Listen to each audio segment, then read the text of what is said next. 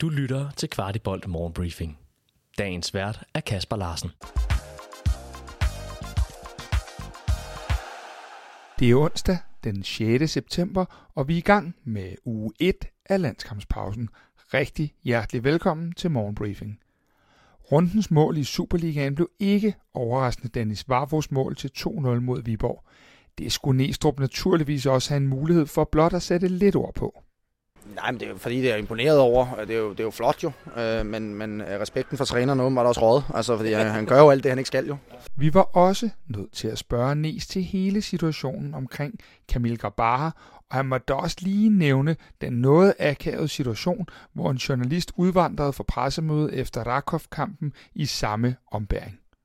Camille, det er, der øh, øh, er der udgangspunkt i den øh, meddelelse, som vi har sendt ud. Det er det eneste, jeg har til det. Øh, I forhold til, at I spørger nu, det, kan, det er jeg fuld forståelse for. Jeg har fuldstændig forståelse for, at man, man spørger ind til det.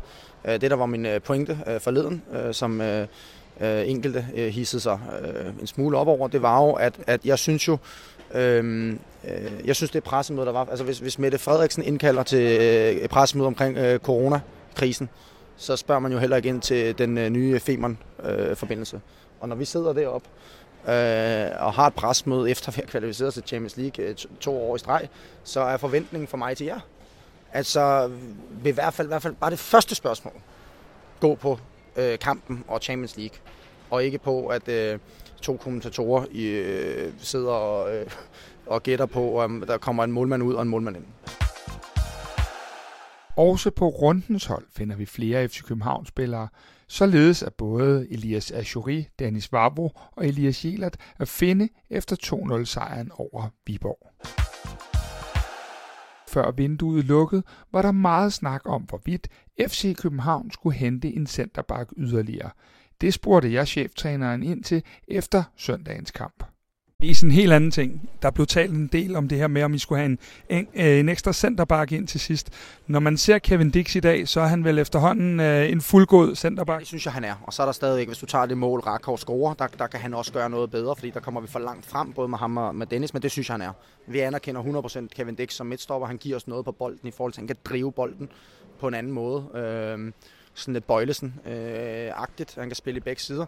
Altså, så Kevin Dix er 100% midtstopper i, øh, i FC København, og han er mere end god nok til, til det. Og han må gerne sparke udefra? Øh, nej, jeg synes bare, at Kevin, Kevin er jo altså, Kevin er god til at sætte spillet, og vi skal bruge hans kompetencer på, på bolden. Derfor er han vigtig for os. Vores dygtige U19-drenge fik en yderst overbevisende sejr i weekenden, da de tog til Herning og slog FC Midtjylland med hele 4-0. Hun og Nemeth scorede to af målene, imens det blev til et fra Armin Chaka og et fra Roberto Risnes. FC København er placeret midt i rækken, men det skyldes primært, at drengene ikke har spillet samme antal kampe som de øvrige hold i rækken. Og i forlængelse af den dejlige sejr til U19-drengene, er det bestemt også værd at bemærke, at der er mange FCK-talenter med på landsholdene. Således topper FC København listen over flest U-spillere på de danske landshold. FC København har 22 spillere med på diverse landshold, og det er hele fem flere end FC Nordsjælland, samt 10 flere end klubben ude fra Vestegnen. Vores tidligere helte har endnu en gang gjort opmærksom på sig selv ude i den store verden. Således scorede Jens Dage for Werder Bremen imod Bruce Svenssons Mainz, Pep Biel for Olympiakos samt Pieters for sit japanske hold. Det blev også til mål for Robert Skov i Hoffenheim. Endelig er det værd at nævne, at VK fik debut for Bologna og en fantastisk en af slagsen. Han fik således både sejr, assist og stor ros for indsatsen. Hvis I hungrer efter FC København-content, har vi to større udsendelser på gaden lige nu – efter Viborg-kampen lavede vi en nedtakt, hvor vi også kigger klubbens strategi efter i sømmene oven på det netop lukkede vindue. Derudover har vi udgivet et stort portræt af Jordan Larsen, som jeg selv lavede på Deadline Day.